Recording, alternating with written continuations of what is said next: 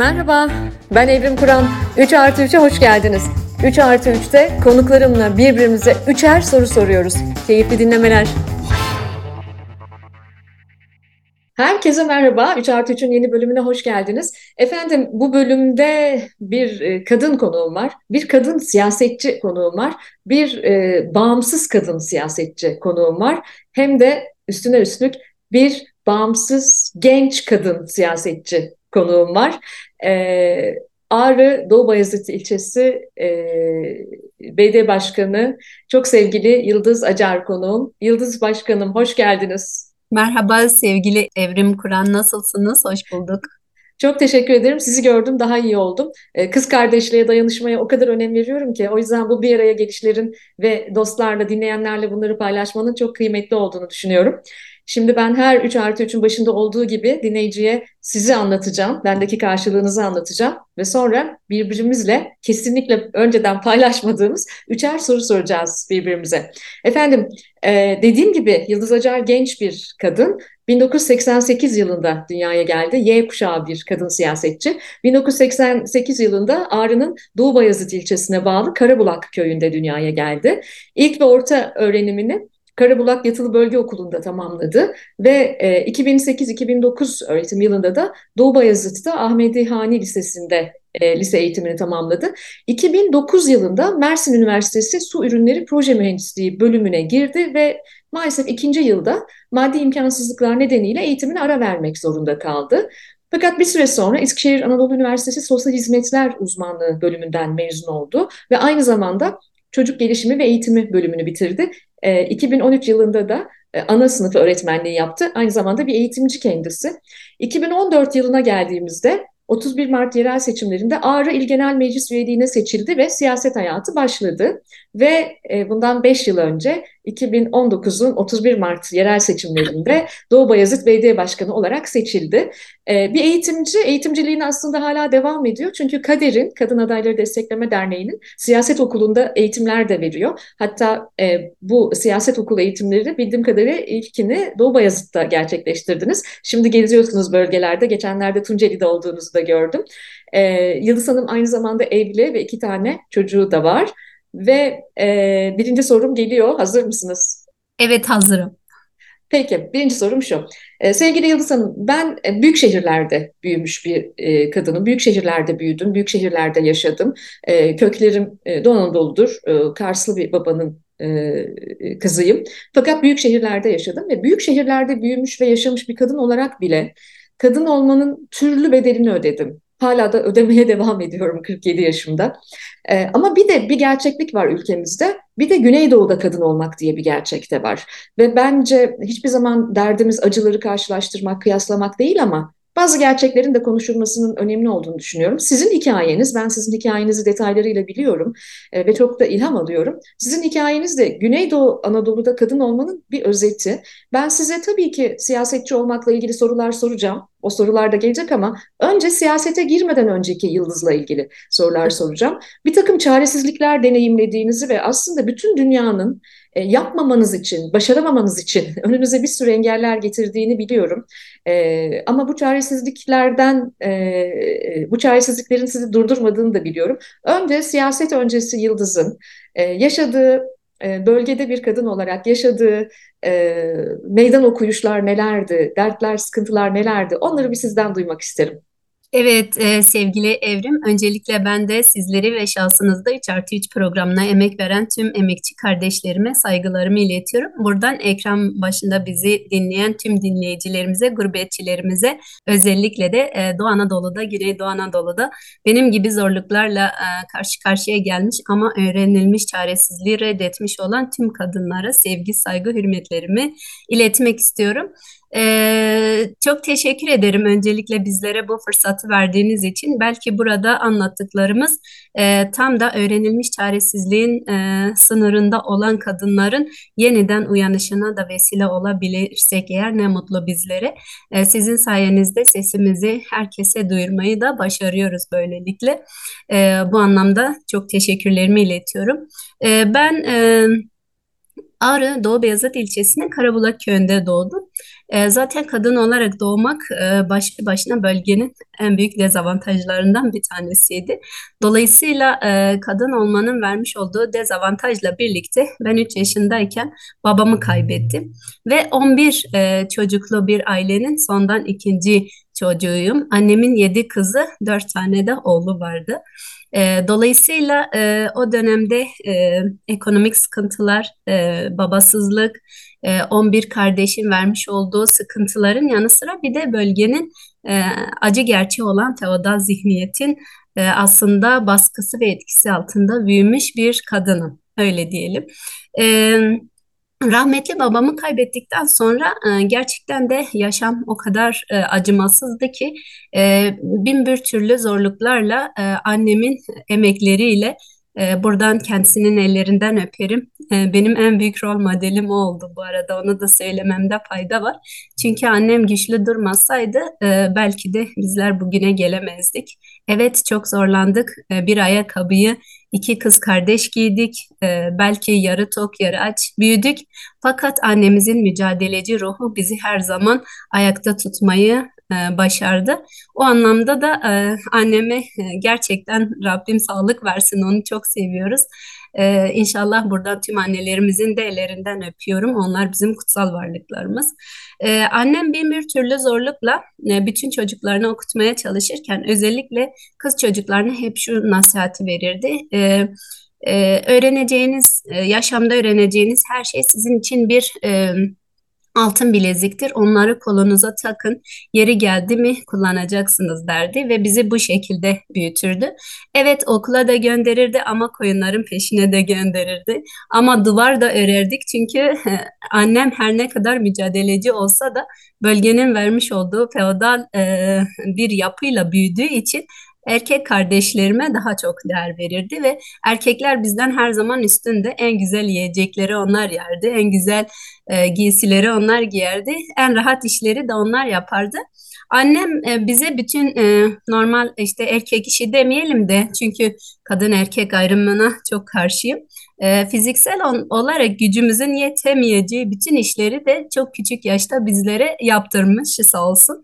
Duvar örmüşüz ne bileyim yani bir türlü bin bir türlü iş yapmışız her alanda çalışmışız diyebilirim. E, tabii ki e, bir şekilde e, büyüdük Ortaokulu ıı, bitirdikten sonra e, köydeydik ve e, liseye gitmem gerekiyordu.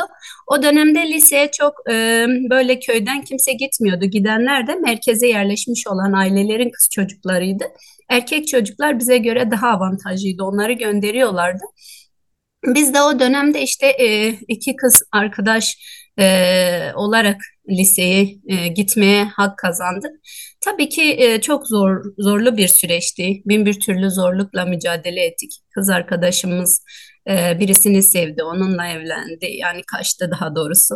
Sonra e, kaçtığı kişi onu maddeye bulaştırdı. Tabii bu tür olaylar köyde hızlı bir şekilde yayılıyor ve e, bir tane amcam var. Amcamın da tam tersi yedi oğlu ve dört e, kızı vardı. Amcam e, çocuklarını okutmamıştı. Okumaya da karşı olan birisiydi. Hele kız çocuklarını okutmazdı. E, dolayısıyla zaten okula gitmemi her zaman anneme dayatıyordu gitmesin falan diyordu. Annem de onun mücadelesini verirken tam da bu olay işin tuzu biberi olmuştu ve okuldan alınmam gerektiğini söylediler. E, tabii annem bunu kabul etmedi çünkü... E, Annem benim e, çok e, zeki biri olduğumu söyler her zaman. E, kendisine teşekkür ediyorum böyle görmüş olduğu için. E, e, dolayısıyla e, eğer ki önüm açılırsa çok iyi yerlere gelebileceğimi tahmin etmiş çocukları içerisinde ve benim okumamı da çok çok istemiş. Dolayısıyla e, amcamla e, işte okula gitsin, gitmesin muhabbeti derken e, ben de üniversite sınavına hazırlanıyordum ve bir baktım e, bir odadayız. İşte salon sadece sıcak. E, odada ben battaniye üstüme atmışım, soru çözüyorum, matematik çalışıyorum. Baktım iki kişi içeri girdi ve e, parmağıma bir yüzük takıp çıktılar. Annemle amcam kendi aralarında anlaşmış. İşte Yıldız'ın parmağında bir yüzük olursa e, kimse dokunmaz, okula gitsin bir şartla ama o zaman benim oğlumla evlenirse yani nişanlandıralım e, o şekilde ancak kabul edebiliriz. Amcamın oğlu da yani eşim de benden e, yaklaşık bir 11-12 yaş büyük ve e, ben onunla kız arkadaşı arasında arada bir mektup alışverişinde bulunuyorum. Kendisine de abi diyordum zaten. Daha sonra tabii e, e, sofra kurulur ve bizim bölgede kadınlar hiçbir zaman kayınpederlerinin yanında yemek yemezler, kaynanasının yanında yemek yemezler. Ben de e, o gün çok açım okuldan gelmişim. Diyorum ki annem bana sofradan kalk diyecek çünkü e, misafir geldiği zaman çocuklar en son yemek yer. Mutfakta dururuz, kalan kırıntıları yeriz ya da işte yemek kalmazsa da peynir, lor vesaire o tür şeylerle karnımızı doyururduk. Ben de diyorum ne pahasına olursa olsun bugün bu yemeği yemem lazım. Annem utanacak, ısrar etmeyecek, bana kaş göz işareti yapacak, kalk sofrada diyecek ama ben kalkmayacağım. Ee, ve o sonra pes edecek diye kendi kendime hesap yapıyorum odada. Kaşık çatal sesi gelince gelip sofrada oturdum ve annem tabii ki bana kalk e, git mutfağa diye kaş göz işareti yapıyor. Git ablalarına e, yardım et. E, amcam da diyor ki ya bırak diyor zaten sen bunu e, çok kötü alıştırdın. Örf bilmez, adet bilmez. Ben de amcama içten içe kızıyorum ya diyorum yemek yemenin örfü adeti mi olurmuş sanki falan diyorum ama ne yapasın olursa olsun benim o yemekten yemem lazım diyorum. Velhasıl kelam o yemeği de yedim kalkmadım. Tabii annem sonra dayak atmadı bana onu da söyleyeyim. Aradan biraz zaman geçince nişanlanmış olduğumu e, annem tarafından bana söyledi. E, tabii nişanlı e, iken yani lise son sınıf öğrencisiydim. E, bana verilen sözler vardı. E, tamam işte e, istediği zaman okulu bırakır vesaire. E, ben üniversiteyi kazandıktan sonra artık annem şey dedi. Senin üzerinde benim hakkım yok dedi. Amcan gil hak sahibi. Onlar git derse gidersin kal derse kalırsın diye. E, ben de kendi kendime düşünüyorum neden bir kadın yani neden bir kişi üzerinden kendi kararı değil de başkasının kararını uygulamak zorunda kalıyor vesaire. Tabii çok da müdahale edemiyorsunuz çünkü bir özgüveniniz yok, bir gücünüz yok elinizde. E, dolayısıyla e, aslında şu anki aklım olsa neler yapmazdım dermişim ama o dönem tabii gençsiniz, daha yani yeni yaşama atanmışsınız, hiçbir şeyin farkında değilsiniz. Tek hedefiniz e, yükselmek, büyümek, iyi bir yere gelmek. Yani o dönemden beri feminist bir ruhum vardı. Kadınların toplumsal hayatta, e, siyasal hayatta, kamusal yaşamda yerinin a, olması gerektiğine inanan biriydim ki bazı kesimler bunu bir lütuf olarak görüyor ama aslında bu bizim en büyük hakkımız sadece gasp edilen hakkımızı geri almak için o dönemden beri mücadelem vardı benim. E, velhasıl kelam üniversiteyi kazandım Mersin'de. E, gittim. Evet maddi imkansızlıklar vardı. Maddi imkansızlıklar yazsam da özgeçmişimi aslında. E, bir nevi iki karpuz bir elle tutulmaz deyip sen evli birisisin deyip beni okuldan aldılar. Yoksa ben e, orada çalışmayı da e, ekmeğimi kazanarak okumayı da gerekirse sizin gibi güçlü kadınların yanına gidip e, ilişki geliştirip kanallar bulup her ne pahasına olursa olsun o üniversiteyi bitirmeye değebilirdim ama e, evlisin okuyamazsın dediler ve e, iki karpuz bir ele tutulmaz dediler beni okuldan aldılar. E, evlendim 2009 yılında e, düğünümü yaptılar ama pes etmedim. Evlenmiş olabilirim. Benim o üniversiteyi bitirmem gerekiyordu. Tekrar sınava hazırlandım ve Eskişehir Üniversitesi Sosyal Hizmetler uzmanlığını e, bitirdim. Ta, e, tabii o sıra e, ya o süreçte e, 3-4 gelin aynı evde kalırdık ve e, yani gelinlerden beklenti feodal bölgelerde bellidir. E, dolayısıyla ben e, orada biraz delilik rolü oynadım. Belki burada e, kayınpeder tarafı da dinlerse şimdi kızabilirler bilmiyorum. E, yani e, giyimime karışılmaya çalışıldı. Ben e, farklı bir delilik modeliyle e, bir şeyler yapıp çözüm kendi kendime çözüm gücü olmaya çalıştım. Evet insani bir şey değildi. Yani insanca bir yaşamımız yoktu gerçekten. Üç kadın, üç gelin aynı evde yaşar. Ve tabii ki o evin kendine göre e, özel durumları da var. Belki her zaman anlatılmayan işte e, ekonomik şiddet, fiziksel şiddet, yani e, psikolojik şiddet ve benzeri bir sürü şeyle de karşılaştım şahsım olarak da yaşadığım kadınlar olarak da. Evle birlikte 3 yıl kalınca evin içerisindeki kadınları örgütlediğimi gördü oradaki erkekler ve beni ayırdılar. Bu kız gitsin bizim evden dediler. E, ve böylece e, evden ayrılmış oldum ama o 3 yıllık süreç içerisinde orada yaşayan kadınların kendi haklarının, hukuklarının e, ne olduğunu, nasıl davranması gerektiğini de çaktırmadan alttan örgütleyerek onları da e, bilinçlendirmeye çalıştım. E, yani anlatacağım şu, e, yani üniversiteyi bitirdim, bir çocuğum oldu. E, daha sonra e, siyasete girmeye karar verdim. Çünkü siyasi yönümün daha baskın olduğunu fark ettim. Bence kadınlar e, kendilerini hangi alanda iyi hissediyorlarsa bunun ekonomik boyutunu ya da işte sosyal boyutunu ya siyasal boyutunu hiç düşünmeden o alanlara yönelmeli diye düşünüyorum. Çünkü gerçekten çok başarılı oluyorsunuz. Evet eğitimci olsaydım da yine birçok şey yapabilecektim ama e, siyasette daha etkin olduğumu fark ettim ve siyasete girmeye karar verdim. O süreç içerisinde yine ailenin ve toplumun engeliyle karşılaştım. E, çok affedersiniz siyasete giren kadınlara buradan e, işte e, ahlaki değerleri düşük e, gözüyle bakıyorlar. Yani çok affedersiniz ama bunu söylemek zorundayım ahlaksız gözüyle bakıyorlar öyle söyleyeyim. E, varsın baksınlar biz kendimizi bildikten sonra 100 kişi iyidir dediği için iyi de olmuyoruz. 100 kişi kötü de, dediği için kötü de olmuyoruz.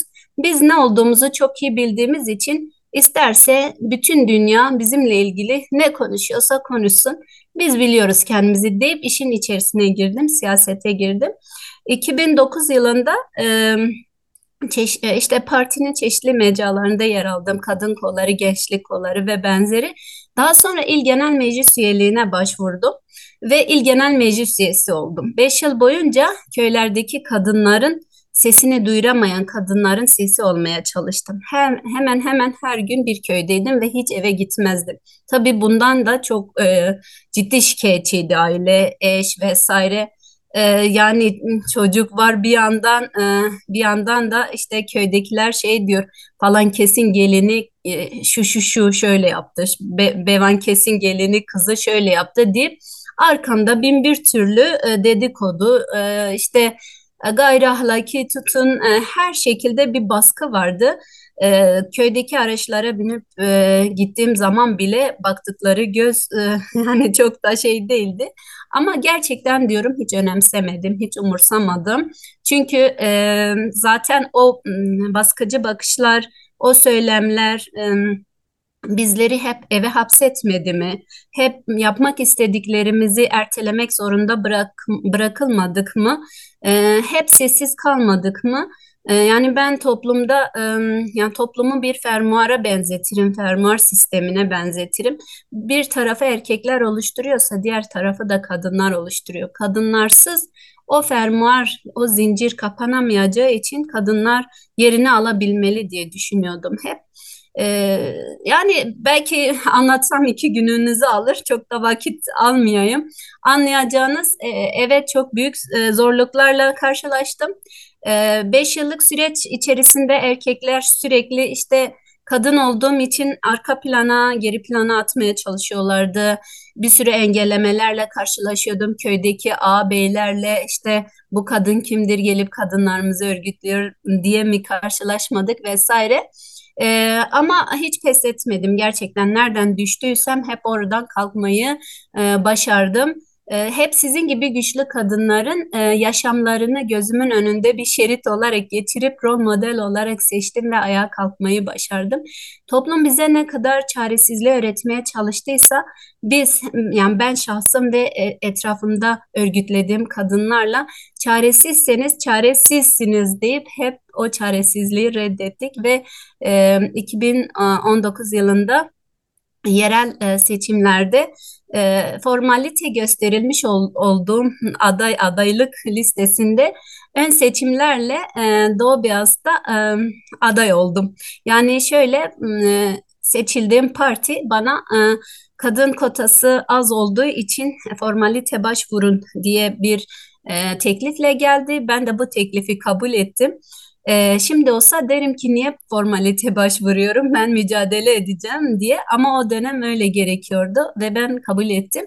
Sonra e, ilçemde bir ön seçim yapıldı. Ee, 17 adayı kat, adayı adayı katılmıştı. Ee, en çok oyu ben alarak e, vatandaşların ön seçim sandığından isim olarak ben çıktım. Daha sonra siyasi parti beni çağırdı. Dedi ki sen biliyorsun formalitesin. Ee, işte aday adayımız şu kişi. Ee, o yüzden biz onu açıklayacağız. Sen ne diyorsun bu duruma?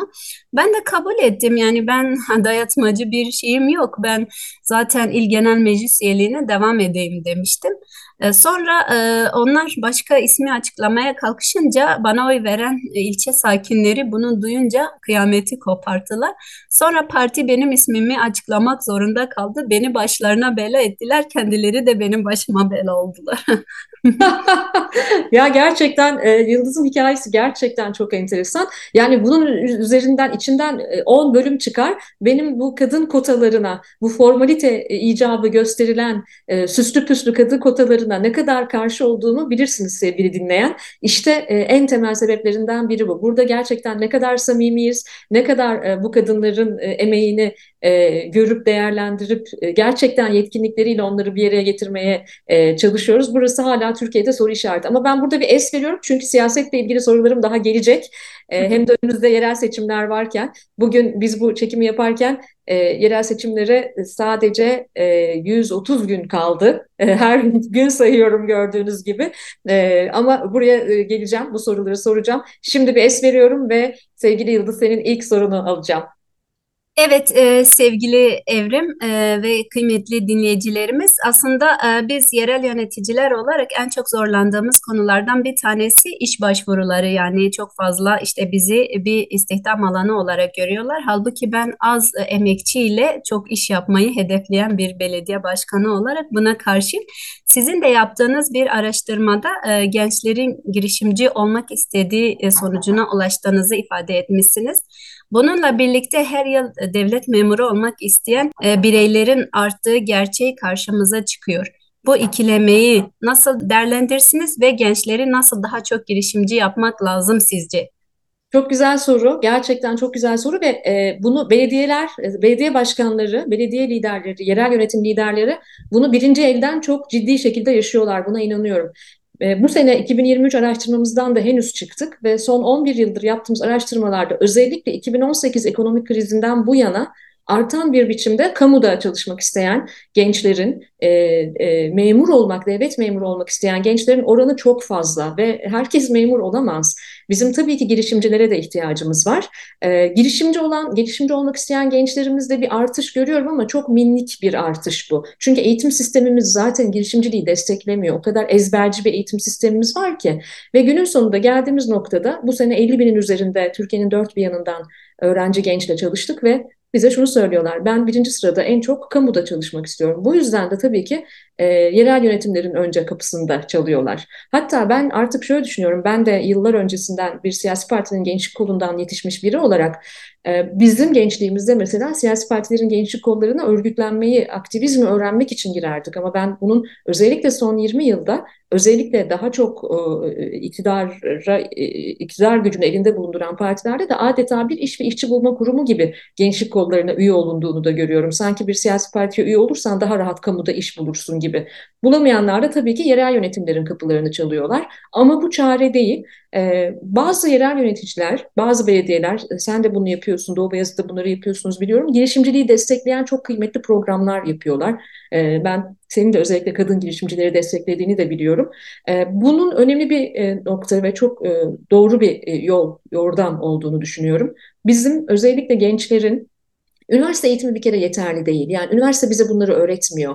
İstersek Türkiye'nin dünyanın en iyi üniversitelerine gidelim. Hayatın içinde öğrenmek ve bir ekosistem, birbirimizi destekleyen bir ekosistem e, içerisinde birbirimizden öğrenmenin çok kıymetli olduğunu düşünüyorum. Biz Türkiye'de bunu oturtabilirsek aslında baktığında Cumhuriyet'in ilk yıllarında Anadolu'daki köy enstitüleri modeli bunu çok güzel anlatıyor. Yaşayarak, deneyimleyerek. Mesela neden e, bu kadar çok büyük şehirlere iç göç alıyoruz biz? Aslında Anadolu çok zengin bir coğrafya. Neden orada tarımla ilgili bir girişimcilik yapamasın genç değil mi? Veya neden orada bölgesinde tekstille ilgili bir girişimde bulunamasın veya bölgesel turizmle ilgili bir girişimde bulunamasın? Ama bunları okullarda öğretmiyoruz ve çocuklara e, kalan şey şu oluyor bu kadar öğrenilmiş çaresizlik içerisinde ben sürdürülebilir bir işim olsun, maaşım düzenli yapsın. Ondan sonra bu sisteme karşı çıkmadıkça ve bu sistemin bir parçası oldukça da bankamatik memurlarına itiraz etmeye başlıyoruz bir süre sonra. Ama bunlar çalışmıyor, bunlar üretmiyor. E, dediğin şey o kadar doğru ki bence daha az sayıda insanla e,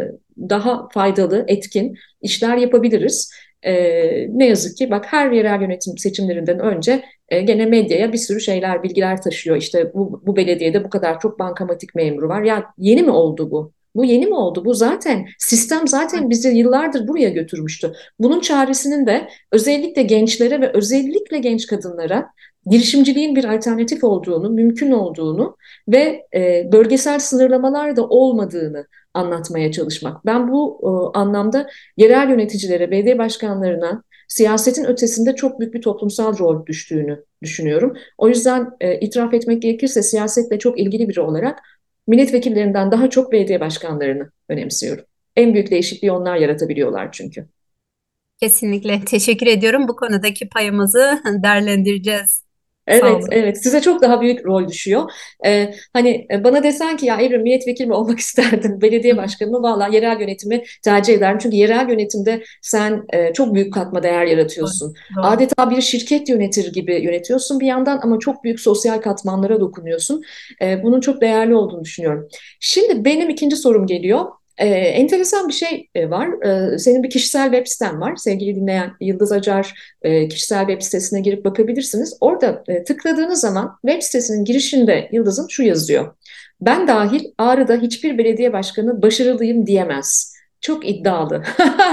Çok iddialı. İnsanların aynaya bakmaktan imtina ettiği ve hep başkalarını suçladığı ve hep kendini yücelttiği bir e, çağda yaşıyoruz. Ne demek istiyorsun Yıldız? Bu, bu nasıl bir ifade?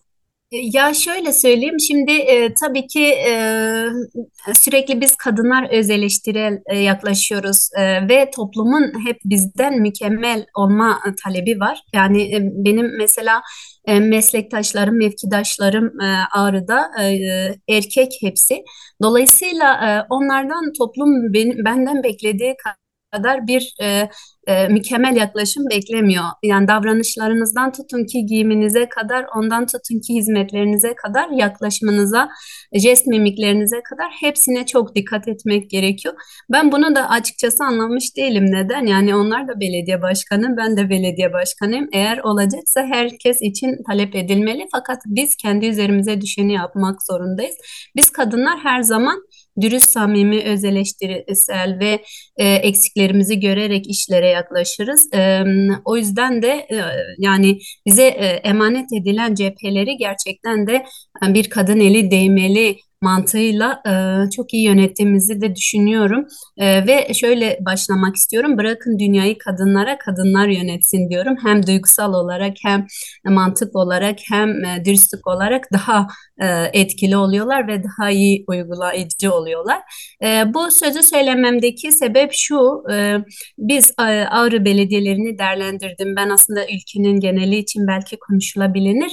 E, sürekli işte ekran karşısına çıktığımızda biz şunu yaptık, biz bunu yaptık, işte e, şöyle yaptık, böyle yaptık. Bütün söylemleri o kadar övüyoruz ki hani e, şey derler ya seçimlerde e, propagandalar Paris ama hakikatler Afrika misali.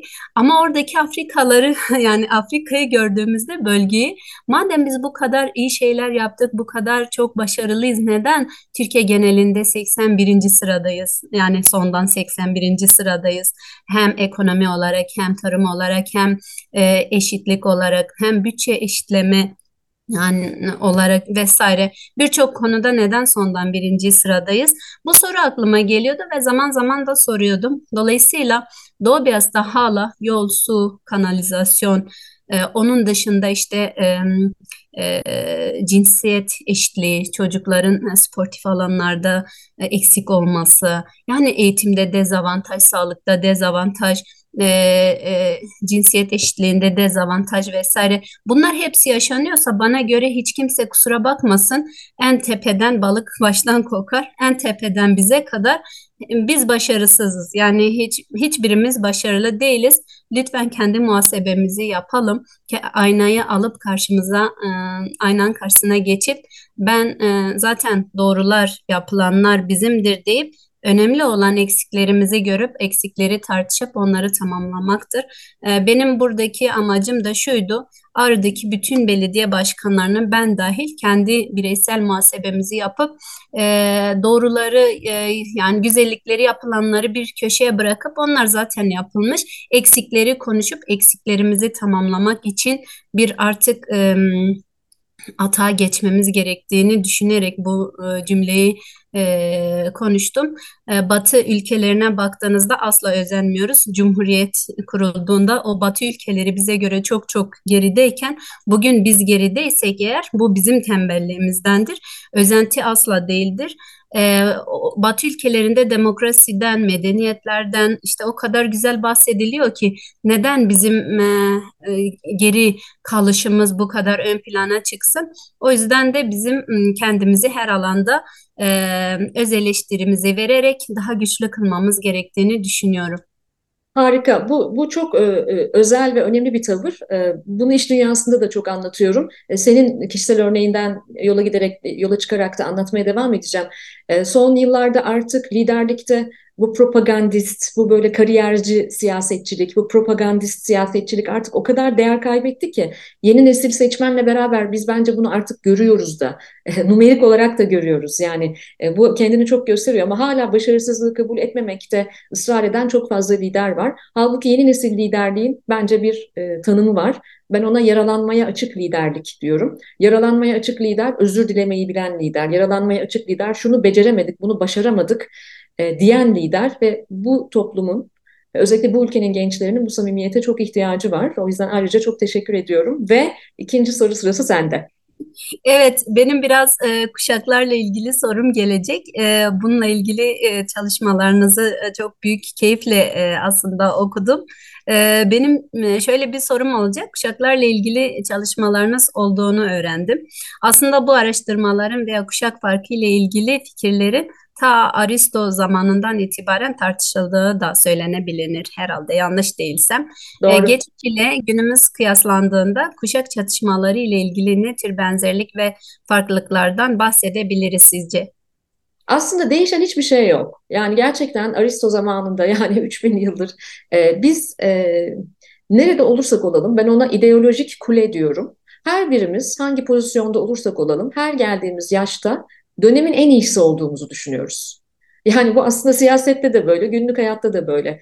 Ee, bu evde de böyle. Yani çocuk bakımını en iyi kayınvalide, anne bilir falan. Yani sen çocuk doğurursun ve onlar döneminin en iyisidir ve o iş öyle olmaz. Doktordan bile daha iyi bilirler falan. Kuşaklarda bu böyle biz ideolojik bir kuleden bakıyoruz hayata ve bizden sonra gelenleri pek beğenmiyoruz ama bizden öncekileri de çok beğenmiyoruz. O yüzden aslında benim hep yıllardır anlatmaya çalıştığım, 23 yıldır bu işi yapıyorum ve anlatmaya çalıştığım şey şu. Bütün kuşakların harika yanları var ve o harika yanları birleştirerek çok e, büyük bir zenginlik oluşturabiliriz. E, ki bu toplumda insanlar kuşaklarla birlikte kalabalık evlerde, kalabalık ailelerde yaşamaya da alışmıştır ve herkes kendi gücünün yettiği ve en iyi olduğu alanlarda e, performans gösterebilir. Ama e, şunu yapmak daha kolay oluyor galiba. E, eksikliklerine bakmak bizden sonra gelenlerin, bizden önce gelenlerin e, eksikliklerine bakmak ve kendimizi özel ve önemli addetmek, addetmek bence e, herhalde insana daha konforlu, daha kolay geliyor. Aslında hikaye öyle değil. E, her kuşağın çok iyi yaptığı işler var. Biz seninle ikimiz ayrı ayrı kuşaklardanız. Ama öğrenmesi gerekenler de var. O yüzden kuşakların birbirine soru sormasını cesaretlendirmeye çalışıyorum ben. Bu kuşak çatışması denen şeyi E, hatta dilimizden atmaya da çalışıyorum. Çünkü bunun giderilmesi mümkün ve bu giderilirse barış içinde bir toplum olacağız biz. Çünkü şuna çok inanıyorum. İnsan bir konuda ayrımcılık yaparsa her konuda ayrımcılık yapar. Bak mesela biz kadın erkek ayrımcılığı üzerine konuşuyoruz ya veya e, sadece cinsiyet değil mesela e, tabiyet üzerinde de bunu konuşuyoruz. Etnik ayrımcılıklar üzerinde de Türkiye'de hala bir adım yol kat edemiyoruz. Çünkü biz aslında ilk ayrımcılığı şurada yapıyoruz. Yaş ayrımcılığı. Yaş ayrımcılığı yapıyoruz. Yani orta yaşlı biri ne yaşlıyı beğeniyor ne genci beğeniyor. En iyi benim kuşağım diyor. Veya bir genç e, kendinden önceki kuşakları hiç beğenmiyor. Veya bugün 1990'da e, doğmuş biri 2000'de doğmuş birini eleştirebiliyor kendinden 10 yıl sonra doğmuş birini. Bu kuşaklar çok acayip biz hiç böyle değildik diyebiliyor. Çünkü birbirimize soru sorma e, kapasitesini geliştirmiyoruz. Biz hep çok konuşma ve çok anlatma yanlısıyız. Öğretme, didaktik olma yanlısıyız. Halbuki biraz soru sorsak, o yüzden ben yaptığım programlarda mesela çok deneyimli liderleri gençlerle bir araya getiriyorum ve e, gençlere soru sormalarını gençlere akıl vermelerini, fikir vermelerini değil, onlara soru sormalarını cesaretlendirmeye çalışıyorum. Çünkü soru sorduğunuzda mesela şöyle bir soru. Ya bence, e, sence ben e, Doğu Bayazıt'ı nasıl yönetmeliyim? Çok güzel bir sorudur ve bunu 17 yaşında bir çocuğa sorduğunda pırıl pırıl tertemiz bir cevap alabilirsin. Benim oğlum 16,5 yaşında. Ben bazen işimle ilgili düştüğüm çıkmazlarda bile, hayatımla ilgili düştüğüm çıkmazlarda bile ona sıklıkla sen olsan ne yapardın? sorusunu soruyorum. Çünkü e, ama ben bunu mesela 75 yaşındaki babama da soruyorum. Yani şöyle bir e, şey düşünüyorum. Sen olsan ne yapardın? Çünkü her birimizin getirdiği zenginlikler var.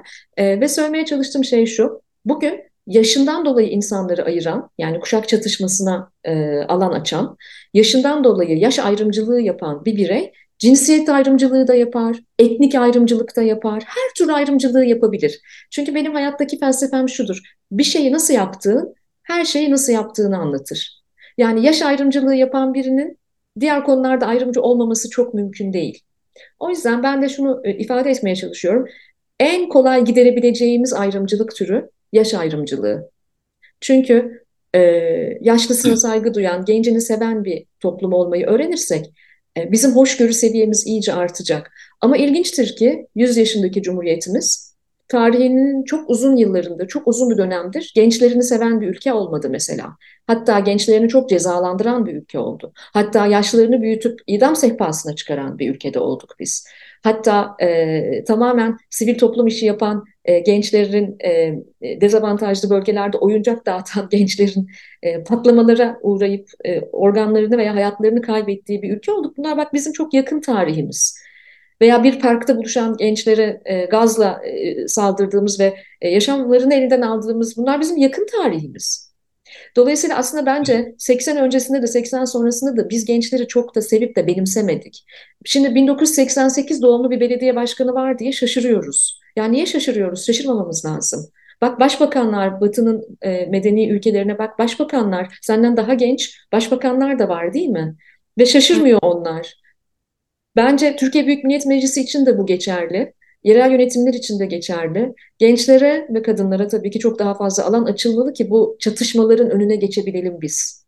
Şimdi e, umarım yeni e, e seçimlerde önümüzde umarım e, bu e, bu biraz daha bu çok baskın bir kuşağın olması biraz daha kırılır. Siyasette çok yavaş kırılıyor. Bak e, geçenlerde işte Cumhuriyet Halk Partisi Genel Başkanı değişti.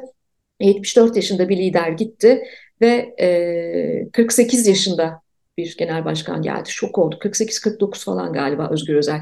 Şok olduk tamam mı? Vay canına ne kadar genç biri geldi falan. Yani bu bile bir mucize, bir istisnai bir hal gibi ele alınıyor. E, halbuki haklısın. Yani halbuki e, Allah'tan iyi de bir şey yaptı e, Sayın Genel Başkan. E, bayağı bir gençleri de aldı Merkez Yönetim Kurulu'na. Hem gençleri hem kadınları aldı falan ama e, ben istiyorum ki bu mecliste, bu iş dünyasında çok daha fazla görelim bunu. Bak mesela şirketlerde şöyle bir şey var Yıldız. Mesela 30 yaşında biri direktör olup 300 kişiyi yönetebiliyor. 35-40 yaşında biri genel müdür olup binlerce insanı yönetebiliyor. Milyon dolarlık ciroları yönetebiliyor. İş dünyası buna daha hazır çünkü. Ama kamu e, hala bu konuda kibirli. Sanki hep çok yaşlı olmamız gerekiyor, çok deneyimli olmamız gerekiyor gibi bir algı var. Çok uzatmayayım ama e, ez cümle eğer biz yaş ayrımcılığı yapmazsak bunu bir egzersiz edersek diğer ayrımcılıkları da yapmamayı öğreneceğiz. Bütün derdim bu 23 yıldır bu piyasadaki bir insan olarak.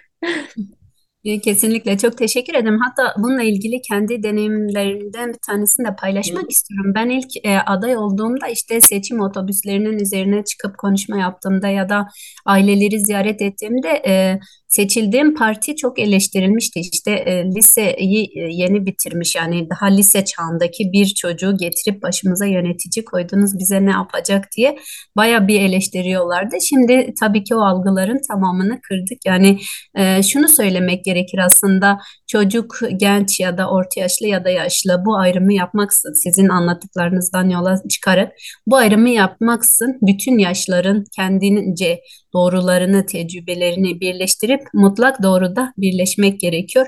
Yani hem gençlere hem yaşlılarımıza hem orta yaşlılara e, çeşitli alanlarda e, fırsat e, eşitliği vermemiz gerektiğini düşünüyorum. Size katılıyorum. Yani bir siyasi parti liderinin genç olması bir bütün yani ülkemizde çok ciddi yani herkesi böyle şok etti, dondular. Yani böyle bir şey olamaz diye. Halbuki e, olabilir neden olmasın? Hatta daha da güzel olur. Belki kimi partilerin 80 yaşındadır lideri, kimisinin de 30 yaşında olsun. Bu bunlar farklılıklar, güzelliklerdir. Haliyle e, anlatımlarınız çok doyurdu bizleri. Teşekkür ediyorum. Ben teşekkür ederim ve e, üçüncü e, ve benim son soruma geçiyorum. E, biraz daha siyaset konuşacağız. Çünkü 130 gün kaldı. 31 Mart 2024'de e, gün sayıyorum. Hmm, e, çok önem verdiğim seçimler olduğu için. E, aday mısın Yıldız? E, Evet ya çok e, önemli bir soru aslında. Henüz daha hiçbir yerde adaylığımı açıklamamış. Böyle bir sorunun gelmesi tabii ki e, zor bir soru e, açıkçası. E, gerçekten e, 5 yıllık siyasi e, deneyimim ve sürem içerisinde birçok e, olumsuzluklarla karşı karşıya geldim. E, ahlaki değerlerimden tutun ki işte bir kadınım sonuçta bir anneyim, bir Kürt kadınıyım. E, bölgede ne olursa olsun hangi eksikliği yaşarsam yaşayayım bölgenin eksiği tamamlaması gerekirken tam tersi hani yani belki tabir hoş olmayacak ama kimi kesimler şöyle işte pusuya yatıp bir eksikliğimi yakalayıp onu işlemek, kullanmak istediler. Çok da yaptılar bunu. Ha yani e, bunların bireysel olarak bana çok ciddi zararları oldu ama bana göre en büyük zararı toplum yaşadı. Çünkü e, benim belediyecilik sürecim içerisinde e, muhalif olduğum meclis üyeleri, meclisim yani bir bütündür belediye e, biliyorsunuz belediye başkanı, yürütme organları, işte e, icra makamları hepsi bir bütündür. Ama biz maalesef düşünün yani satın alacağımız bir itfaiye aracını düşünün. E, benim meclisim bir itfaiye aracına bile red veriyordu. Kaldı ki benim sürecimde işte e, sırf hani Yıldız Acar döneminde yapıldı denilmesin, boşa çıkartmak için halka gidilmesi gereken bir sürü e, önemli e, ve olması gereken temel yaşam e, hizmetlerini bile e, engellediler. Bu gerçekten çok e, ciddi anlamda toplumu yıprattı. E, kutup siyaseti, ayrıştırıcı siyaset e, çok e, kullanılıyor. İşte ben Doğu Beyaz'da e, sağcılar tarafından terörist, solcular tarafından da ihanetçi olan bir kadınım. Yani onların gözünde öyleyim. Bana sorarsanız ben ne teröristim ne ihanetçiyim. Halkıma hizmet eden halkın hizmetkarıyım. E, kadınların, gençlerin, e, yaşlıların, engelli, dezavantajlı kardeşlerimizin e, imdadına koşmaya çalışan kendi çapında eksikleriyle e, e, koşmaya çalışan, onların yaşamına dokunmaya çalışan, e, onların hizmetkarıyım. Kendimi öyle görüyorum ama dediğim gibi ne İsa'ya ne Musa'ya yaranamıyorum Doğu Beyaz'da. E, dolayısıyla e, e, zor bir süreç yani 25 yıllık bir iktidar olan bir partinin %90 tabanı olan bir ilçede yaşıyorum. %90 HDP'nin tabanı olan bir ilçede yaşıyorum. Siyasi görüşler, ideolojik fikirler aslında güzel bir şeydir. Farklılıklar olsun. Yani nasıl söylesem muhalefet olsun. Muhalefet insanı güçlendiriyor. Muhalefeti doğru yapmayı bilene ve doğru algılayana Çünkü e, sürekli padişahım çok yaşa derlerse, herkes bunu derse orada eksikliğinizi göremezsiniz ve kendinizi e, mükemmel e, bir e, aynada görürsünüz. Bundan sonra da dikta yönetim oluşmaya çalışır. Artık bir diktatör yıldız olup ortaya çıkarsınız. Dolayısıyla muhalefeti seven biri olarak burada Doğu Beyaz'da doğru muhalefetin yapılmadığını aslında muhalefetten ziyade engellemeler, karalamalar, çamur atmalar vesaire. E, haliyle e, farklı e, siyasi düşüncelerin olduğu bu bölgede ne İsa'ya ne Musa'ya yaranamazken e, gerçekten e, aday olmak büyük bir cesaret ister ki e, o tam da bende şey vücut bulmuş herhalde haliyle. Öyle diye. Bu konuda mütevazi olmak istemiyorum. Hakikaten e, yani arkamda bir siyasi güç yoktu, bir devlet gücü yoktu, bir iktidar gücü yoktu e, ve bir meclis gücü yoktu e, ve e, halka gidilip beni 7'den 70'e herkese kötüledikleri bir halk gücü de yoktu. Bir süreçten küllerinden yeniden doğup şu anda halkın gerçekten de e, reel rakamlarla konuşuyorum. E, yani objektif olacağım burada çok e, e şey değil yüzde otuz beşini e, şu anda e, beni benimsediklerini, sevdiklerini düşünüyorum halkımızın. Geri kalan yüzde 65-70 e, civarındaki halkımızın da hala kafasında soru işareti var. Çünkü e, iddialarının hiçbirini somutlaştıramadılar. Yani bir sürü iddiaları vardı ve hiçbir iddia e, somut değildi. Hepsi yalandan, iftiradan ibaretti. Halk da artık bunun e, bilincine vardı. Çünkü e, halk soruyor işte tamam siz bu kadının e, e işte şöyle şöyle yolsuz hukuksuzluk yaptığını iddia ediyorsunuz ama neden tek bir tane şikayetiniz yok? 5 ee, yıl boyunca denetim komisyonları sizdedir. Çünkü meclisin çoğunluğu sizdedir. Denetim komisyonları belediyenin bütün gelir giderlerini denetlerler. Aldığımız bir kalemi bile denetlerler. E, buna dair neden bir denetim komisyon raporu e, savcılığa intikal etmedi diye artık halk hesap sormaya başlıyor. Yani ben artık kendimi savunmuyorum, beni savunan halkım oluyor. Onlara da teşekkür ediyorum. Bu süreç içerisinde e, engellemelere rağmen bir belediyeciliğin nasıl yapılabileceğini aslında halkımıza gösterdik. E, belki iktidar partisine geçseydim e, yani kimse e, tavuğuma kış diyemeyecekti çünkü arkanızda bir iktidar gücü var. E, malum korku imparatorluğu kurulmuş ve zor bir şey aslında. E, ama e, yani daha yeni bir siyasi kimlikten kurtulmuşken belediyeciliğin hizmet sektörü olduğuna inanan birisiyim. Dili, dini, ideolojisi, siyasi kimliği ne olursa olsun herkese eşit mesafede ve e, demokratik bir şekilde, eşitlikçi bir şekilde hizmet etmesi gerektiğini düşüne, düşünüyorum. E, o yüzden de siyasi kimliğimi çıkartıp bir köşeye koymuştum. Hizmet kimliğini, hizmet rozetini takmıştım. E, bu süreçte böyle e, bu yani e, arkamızda hiçbir güç e, olmamasına rağmen iyi işler yaptığımızı düşünüyorum. E, kafamda şu an birkaç tane projemiz var. E, ilçemizin prestijini değiştirecek e, kadınların istihdam alanını artıracak, gençlerimizi kimyasal maddeden kurtarıp onların e, uyuşuk bir beyinle değil de daha düşünen, daha sorgulayan, hakkını arayabilen e, bir e, gençlik oluşturabilecek birkaç tane projemiz var. O projelerimi bitirdikten sonra tabii ki aday olmak e, herkes aday olabilir. Bu, bu çok kolay bir şey aslında.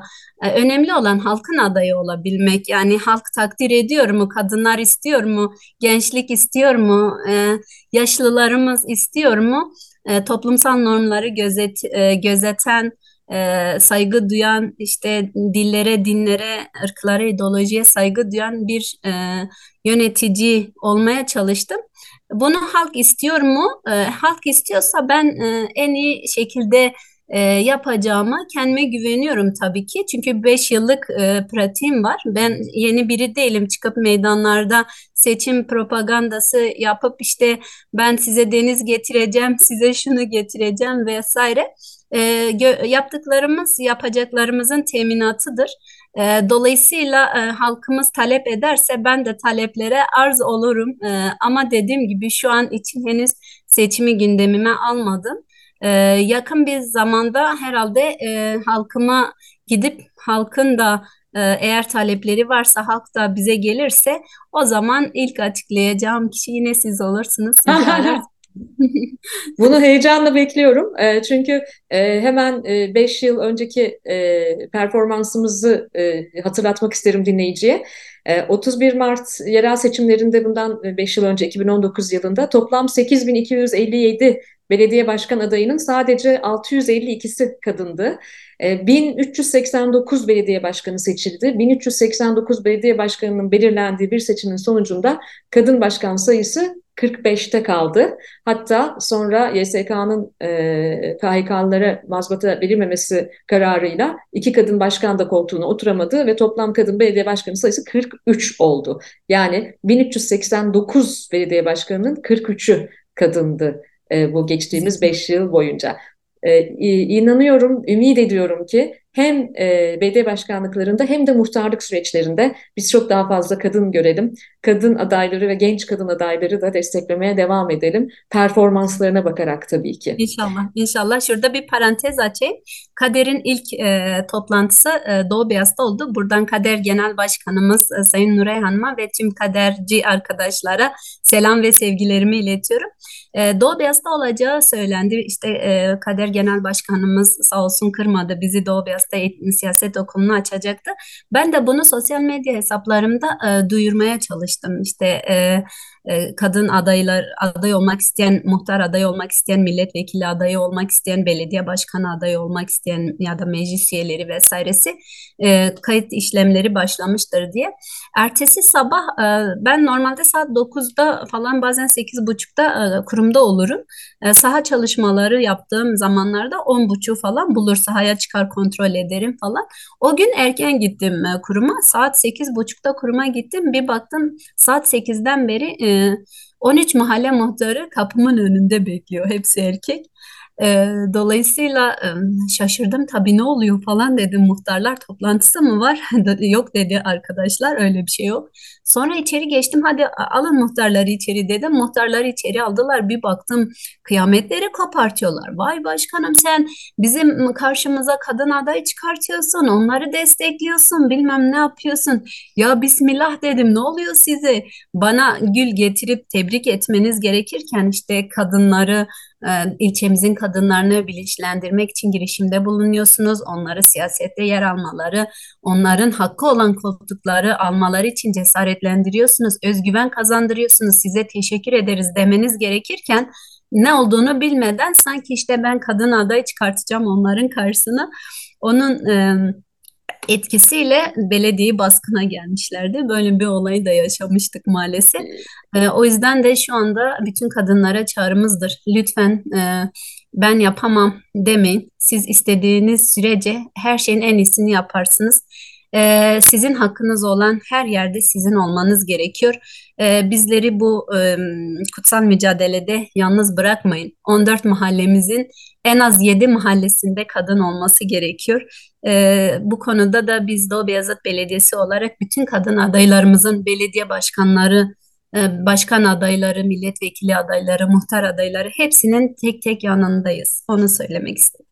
Evet, çok çok iyi oldu e, e, bunu belirttiğin. Gerçekten e, anlattığın bu küçük anekdot bile kadınların birilerinin desteğiyle değil, birilerine rağmen başarılı olduğuna güzel bir örnek. Ben de bu vesileyle Kader Genel Başkanı sevgili Nuray Hanım'a selamlarımı, sevgilerimi iletiyorum. İnşallah hep birlikte bir kadın dayanışmasıyla, politikanın içinde olsun olmasın hep beraber kız kardeşlik ruhuyla Türkiye'de daha fazla kadının aktif siyasette yer almasını sağlayacağız. Ve son soru sırası sende. Evet. Evet, şimdi e, tabii biz zorluklarımızdan bahsettik ama sizlerin de yaşamış olduğu zorluklar var. Deneyimlerinizi paylaşmanızı istiyorum. Benim e, sorum şöyle, girişimci ve feminist bir iş kadını olarak ne tür sıkıntılar yaşadınız? Bu sıkıntıları aşabilmek için neler yaptınız ve neler yapılmasını tavsiye edersiniz? Çünkü e, bizim artık yani e, tecrübenize ve tavsiyenize çok ihtiyacımız var.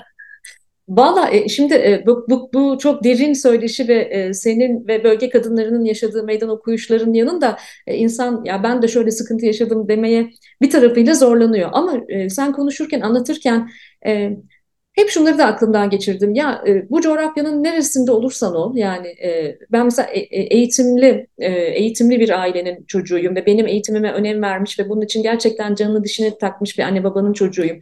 Ama e, toplum da sadece senin çekirdek ailenden oluşmuyor ki. Yani e, yüksek sosyoekonomik seviye, e, çok eğitimli, iyi eğitim almış, yüksek sosyoekonomik seviyedeki insanların yanında bir hayat kurduğunda bile e, o kadar çok e, bilmediğin düşmanların ve gizli düşmanların olduğunu görüyorsun ki. O yüzden şöyle düşünüyorum. E, Güneydoğu Anadolu'da kadın olmaksa en azından meydan okuyuşlarının kim olduğunu, ne olduğunu yani gerçek e, neyle savaşacağını biliyorsun tamam mı? E, biraz daha batısında ülkenin e, kadın olduğunda, kadın girişimci olduğunda yüzeyde şu var sevgili Yıldız. Sanki herkes birbirine çok destek oluyor. Sanki herkes kadınları çok önemsiyor. Sanki kadın hiç şiddete uğramıyor. Bu sadece Türkiye'nin e, daha dezavantajlı bölgelerinde oluyor da bizim gibi büyük şehir kadınları aslında bu dezavantajları yaşamıyor falan gibi. Bir süre bu derin uykudan uyanman e, zaman alıyor biliyor musun? Yani bu derin uykudan batıdaki kadın çok daha ilerleyen yaşlarında uyanabiliyor eğer uyanırsa aslında uğradığı şeyin şiddet olduğunun, psikolojik şiddet olduğunun, finansal şiddet olduğunun, ekonomik şiddet olduğunun, hatta fiziksel şiddet olduğunun da farkına bile varması çok uzun zaman alıyor. O yüzden aslında birbirimizden çok da farkımız yok. Benzer şeyler yaşıyoruz. Ben 47 yaşındayım, bekar bir anneyim. E, ve e, tek başıma e, çalışan e, bir e, şirketim ve ekip arkadaşlarım var sağ olsunlar. E, ama sonuçta tek başıma şirketimi ayakta tutmaya çalışan bir kadın girişimciyim günün sonunda. Ve bir süre Türkiye dışındaydım. Bir buçuk yıl kadar önce Türkiye'ye geri döndüm. Ve bu bir buçuk yılda geri döndüğüm Türkiye'de artık yaşımı başımı almış olmama rağmen e, gençliğime oranla daha çok zorlandığımı görüyorum mesela. Üstelik e, artık daha güçlü bir e, kadınım, finansal açıdan daha güçlü bir kadınım, e, yaşım itibariyle artık daha e, güçlü bir kadınım.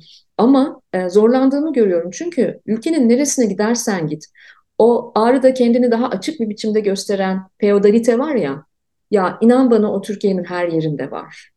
O feodalite plazalarda da var. O yüzden büyük mücadeleler veriyoruz biz kadınlar. O yüzden hep erkek gibi kadın olmaya çalışıyoruz kendimizi korumak için. Ben de istiyorum ki artık erkek gibi kadın olmayayım.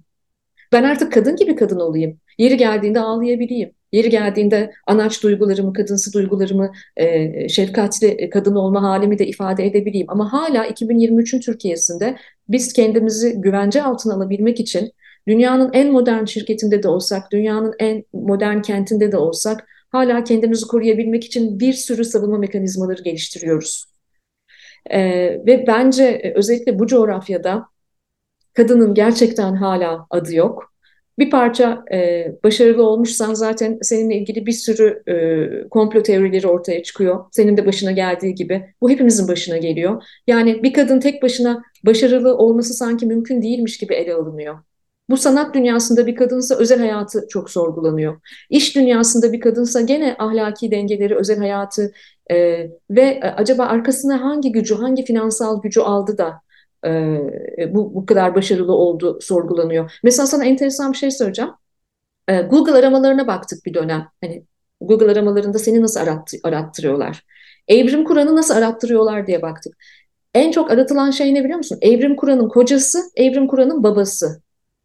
Yani bu benimle ilgili mesela merak edilen bir şey. Ben bekarım, yani iki kere evlendim, e, ayrıldım. Hayatımda hiçbir zaman bir erkek sponsorluğu olmadı. Babam da gariban emekli bir memurdur. Yani yani finansal açıdan e, değil entelektüel ve duygusal açıdan beni son derece desteklemiş bir adam. Ama ben kendimi inşa etmiş biriyim. Kendimi inşa etmiş biriyim. Çok yoksullukta gördüm. E, bir günde üç ayrı işte çalışıp e, e, ayakta kalmaya çalıştığım dönemlerde oldu. Yaşım itibariyle Türkiye'nin pek çok ekonomik krizinden geçtim. E, şiddetin de tillahını gördüm her türlü. Dolayısıyla e, ödenmiş bu bedellere saygı durmak, duymak varken, hikayelerimize saygı duymak varken, e, inan bana Doğu Bayazıt'ta da, İstanbul'un Beşiktaş ilçesinde de hala bir kadınla ilgili nasıl açık arayabiliriz, onunla ilgili neler ortaya çıkarabiliriz, neler bulabiliriz. Hala bunlar çok soruşturuluyor, sorgulanıyor ama bir erkekle ilgili bu sorgulanmıyor. Dolayısıyla derdimiz bu. Ee, bizim çocuklarımızın yaşayacağı Türkiye e, daha iyi bir Türkiye, bu anlamda daha kapsayıcı, daha barış içinde bir Türkiye olabilir. Bunun için çok çalışıyorum. Türkiye'ye dönme sebeplerimden biri de bu. Bu ülke, bu coğrafya bunu hak ediyor çünkü. Ee, ve bütün bunları biz kadınlar tek başımıza e, sadece kadın dayanışmasıyla yapamıyoruz. Erkek dayanışması da çok önemli. Yani erkeklerin müttefikimiz olması, bizim yaşadığımız hayatları kavramaları ve anlamaları da çok değerli. Bir, ya evet biraz feminist olsunlar. Ya çok enteresan bir şey söyleyeceğim sana Yıldız. Geçenlerde bir profesöre, bir bilim insanına, e, erkek bir bilim insanına, profesör, e, feminist misiniz diye sordum. Çünkü kız çocuğu yetiştiriyorsunuz ve hani çok tatlı bir kız çocuğu yetiştiriyorsunuz falan. Ve bayağı bozuldu falan.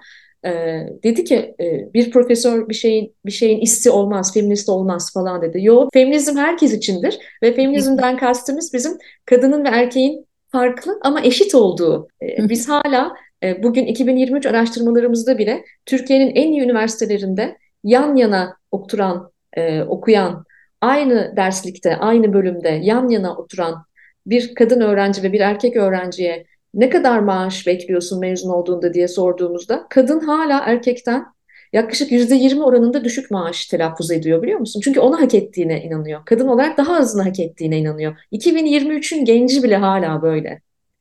Evet maalesef toplumun e, yetiştirmişliği de çok önemli bu konuda. Mesela bana da e, Doğu Beyaz'da reis bey gidiyorlar e, sevgili Evrim. yani e, bey değil beg e, Kürtçe e, biliyorsunuz e, beg bey demek reis beg diyorlar. Ya diyorum ki reis beg değil reis hanım deyin yıldız deyin ya. yani reis beg neyin nesi? Haliyle biraz e, o konularda bizde ben de Doğu Beyaz'dan reis begi olmuşum. Maalesef maalesef size e, katılıyorum. E, her bölgenin e, kendine göre farklı olsa da yani aslında bir noktada e, birleşen, bütünleşen ortak acıları vardır kadın olarak. Maalesef cins bilincine ulaşmamış toplumlarda hala işte yani şunun farkında değiller. Annelerinin kadın olduğunu, kızlarının, kız çocuklarının kadın olduğu, eşlerinin kadın olduğu, yoldaşlarının kadın olduğunu maalesef farkında değiller. Ben de sol sosyalist birisi olarak bunun mücadelesini vereceğim. Biz hani kadınları yani feminizm duygusu olarak kadınları alıp işte yanlışıyla vesairesiyle en üst seviyeye taşımak değil ki amacımız. 5000 yıllık e, e, egemen erkek zihniyetine e, vermiş olduğu e, bizi işte sadece evde çocuk doğurmak, ev işlerini yapmak, yemek pişirmek, sadece bu rolleri bize layık görmüş olan feodal zihniyeti bu eril siyasette de çok kendini gösteriyor. Eril siyaseti eşitlemek, ortaklaştırmak. Yani erkeklerle aynı ortak, aynı seviyeye geldiğimizde zaten bu ıı, pozitif ayrımcılığı bir köşeye bırakacağız ki. Ha bunu buna bile duyduklarında çok şey oluyorlar yani çünkü koltukları sallanıyor. O koltukları bırakmak istemiyorlar ve 5000 yıldır o koltuklar onlara layık görülmüş. Biz kadınlar da biraz aslında e, özgüven eksikliği yaşıyoruz ya. E, benim e, yani iki kolum varsa onun da iki kolu var. Benim e, düşünen bir beynim onun varsa benim de var. Yani birazcık fiziksel olarak güçlüyse ben de beyinsel olarak, düşünsel olarak güçlüyüm. O yüzden maalesef ki 2023'ün gençleri bile hala e, kadın gençler bile kendilerini çok böyle kendilerine layık görmüyorlar. Hayır arkadaşlar insan olarak düşündüğümüzde biz insan olarak her şeyin en güzeline layıkız ve kadın olarak her şeyin en iyisini, en başarılısını, en güzelini layıkız diyebilmeliyiz. Harika. Çok teşekkür ediyorum e, programıma geldiğin için. E, epey bir zamandır e, denk getirmeye çalışıyorduk. Çok anlamlı bir dönemde geldiğini düşünüyorum. Tesadüf yok, tevafuk var. Takip edeceğim önümüzdeki 130 gün neler olacağını merakla takip edeceğim. Ama ben inanıyorum ki yeni dönemde BD başkanlığına devam etsen de etmesen de bir aktivist olarak hayatına devam edeceksin. İnşallah bir sonrakinde Doğu Bayazıt'ta görüşmek üzere diyorum Yıldız. Çok teşekkür ediyorum. Bizi sıkılmadan dinleyen herkese kucak dolusu sevgilerimizi iletiyoruz. Arada bir böyle sıkıcı konuşmalarımız olduysa da kusura bakmasınlar. Ben sizi tanıdığıma çok sevindim. Doğu Beyazıt'ta lütfen yolunuzu düşürün. Orasında e, çok e, tarihi e, değeri olan doğa güzellikleriyle 120 e, bin nüfusu olan küçük şirin bir ilçe. E, Ağrı Dağı'na tırmanırız birlikte sizinle. E, çok memnun oldum sizi tanıdığıma. Beni kabul ettiğiniz için de ayrıyeten sesimize ses olduğunuz için de çok teşekkür ediyorum.